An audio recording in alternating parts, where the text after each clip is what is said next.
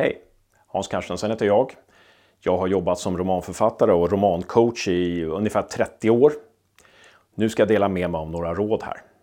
Och idag så ska vi jobba med de verkliga grunderna i storytelling. Men innan vi börjar här så tycker jag att du ska ta prenumerera. Tryck på den här rödvita knappen här nere där det står subscribe så missar du inga avsnitt. Okej, okay, nu kör vi!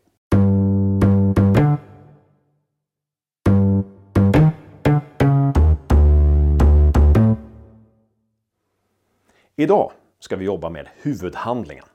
Eller the main plot som man säger på engelska. Och varför är det viktigt med huvudhandlingen då? Jo, därför att du kanske själv har börjat på en roman eller du kanske har börjat på flera romaner. För det är vanligt att man skriver ungefär 20-30 sidor och sen får man inte att flyga längre. Och då lägger man av eller så börjar man på en ny roman och så händer det ofta samma fenomen igen. Och vad beror det här på? Det beror på att man inte har tänkt över vilken huvudhandlingen är. Alltså hur det ska gå sen. Och det här händer ju även etablerade författare. Man skriver, man kanske börjar någonstans och skriver sig fram till en viss punkt och sen känner man att nej, nu måste jag ta reda på vad det är för berättelse jag skriver här. Vilken är min huvudhandling helt enkelt?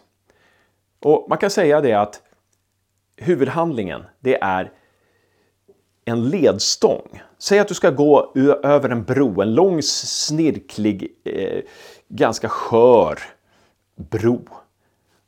Då behöver du en ledstång och huvudhandlingen det är ledstången genom berättelsen. Och det är så här att läsaren ska känna av den här huvudhandlingen omedvetet någonstans redan från de första raderna i romanen. Och Därför är det bra att du vet som författare vilken huvudhandlingen är. Det kan ju vara så här att man byter huvudhandling också. Du kanske skriver det in i, i berättelsen i 50 sidor, 70 sidor, 150 sidor. Så tänker du att nej, det, det här är inte den berättelse jag vill skriva. Nu måste jag gå tillbaka, jag ska se vad jag kan behålla här. Och så gör man om huvudhandlingen. Och det påverkar ju allt som man har skrivit tidigare förstås. Så, så kan det vara. Så vad är då en huvudhandling? Hur får jag fram en huvudhandling? Det ska du få några handfasta redskap för att göra nu. Det bästa är att tänka sig en protagonist. Ni har väl lyssnat eller tittat på klippet med protagonisten, då vet ni vad en protagonist är.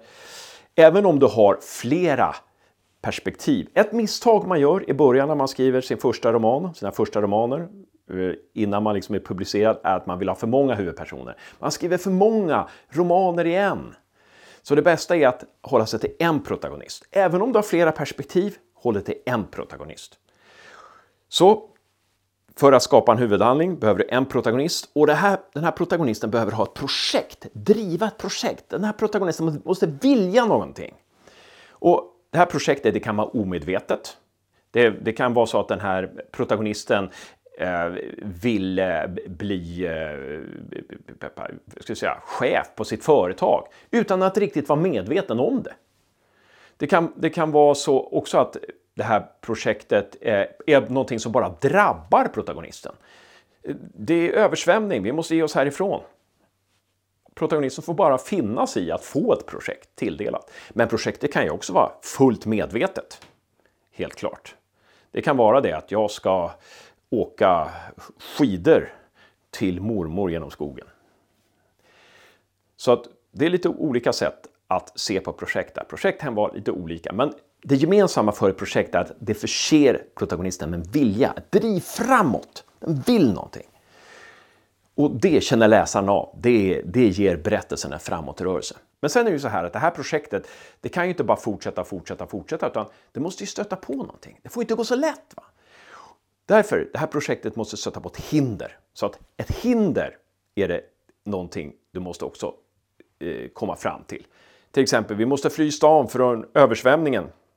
Protagonistens barn har inte kommit från eh, förskolan än. Måste vänta på dem, vi kan inte fly än också ett hinder som dyker upp.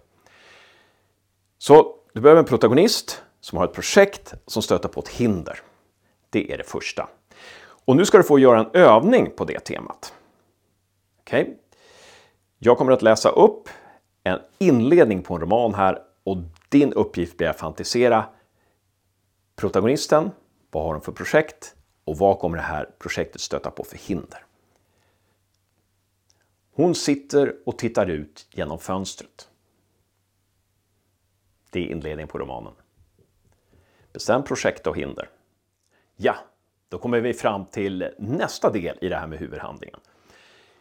Då tänker ni säga, är det inte klart nu? Om jag har en protagonist som har ett projekt som stöter på ett hinder, det, är väl, det är väl, bör vara grunderna i storytelling. Nej, för att komma fram till en huvudhandling kan du behöva oftast tänka igenom ett annat fenomen som jag brukar kalla för osäkerhetsfaktor.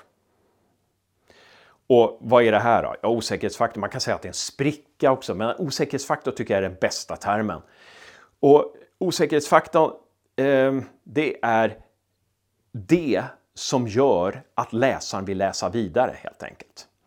Om du har en osäkerhetsfaktor så kommer läsaren hela tiden att vilja göra det här säkert, vilja hitta en lösning. Och det enda möjligheten för läsaren att hitta den här lösningen är att läsa vidare. Så därför behöver den här osäkerhetsfaktorn någonting som gör allting osäkert. Som, där vi undrar, men hur ska det gå? I en deckare så blir det ju ganska lätt. Eller lätt ska jag inte säga, men det som gör dramaturgin i en deckare lite lättare än andra romaner är ju att deckaren ofta har ett mord, ett brott som ska lösas. Vi vet att det är det som är huvudhandlingen. Eh, och, och, och, då behöver vi inte tänka så mycket mer. Det är det som är osäkerhetsfaktorn är kom, kommer det lösas eller kommer det inte lösas? Hur ska det lösas och så vidare. Men i en annan typ av roman, i en annan typ av spänningsroman så kan det behövas en osäkerhetsfaktor. Och vad är då osäkerhetsfaktor Hans? Berätta! Stå inte bara och rapa upp ordet hela tiden. Nej, en osäkerhetsfaktor är till exempel så här. Vi säger att X Eh, kommer från enkel familj. Vi säger att Y, högstatus, kommer ifrån övre överklassen. X är protagonist. X känner, känner eh, liksom en slags främlingskap inför Y, men X är kär i Y och X vill bli ihop med Y. Och det är projektet. Då kan vi lägga på en osäkerhetsfaktor här. Nämligen X har ett brottsligt förflutet och Y har kontakter inom polisen eller något juridiskt departement och har tillgång till brottsregistret. Så att X är orolig att Y ska få reda på det här. Vi kan ju dessutom göra det till att X har gjort något ganska fasansfullt en gång i tiden. Så att osäkerhetsfaktorn ligger då i, ska Y få reda på det här? Och vad händer om Y får reda på det här? Mm, hoppas det blev lite klarare. Nu ska ni få göra en till övning och det behandlar just det här med osäkerhetsfaktor. Jag ska ge er en, eh, ett scenario och er uppgift blir att förse det här scenariot, den här exemplet på huvudhandling, förse det med någon form av osäkerhetsfaktor. Nu är det så här. Vi har en protagonist, Josefin. Hennes projekt är att frigöra sig från sin mamma. Hon bor hemma hos mamman, men hon vill frigöra sig från mamman. Det är där har vi protagonist och projekt. Men hindret är att mamman är sjuk och svag. Så det är inte alldeles lätt här, Josefins projekt. Räcker det här då till en berättelse? Det kan räcka. Men här skulle vi verkligen behöva en osäkerhetsfaktor känner jag. Din uppgift blir att komma på en. Protagonisten är Josefin. Hennes projekt är att frigöra sig från sin mamma. Hindret för projektet är att mamman är sjuk och svag. Vilket kan osäkerhetsfaktorn vara? Hoppas du hade kul när du gjorde den här övningen.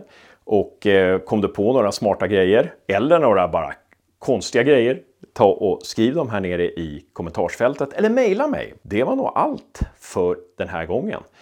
Nu vet du mycket mer om huvudhandlingen, du vet att den är viktig och du vet hur du ska eh, kunna skissa en om du behöver en. Och du vet att det är inte katastrof om du kör fast i din roman. Men du skulle behöva lära lite om sidohandling också.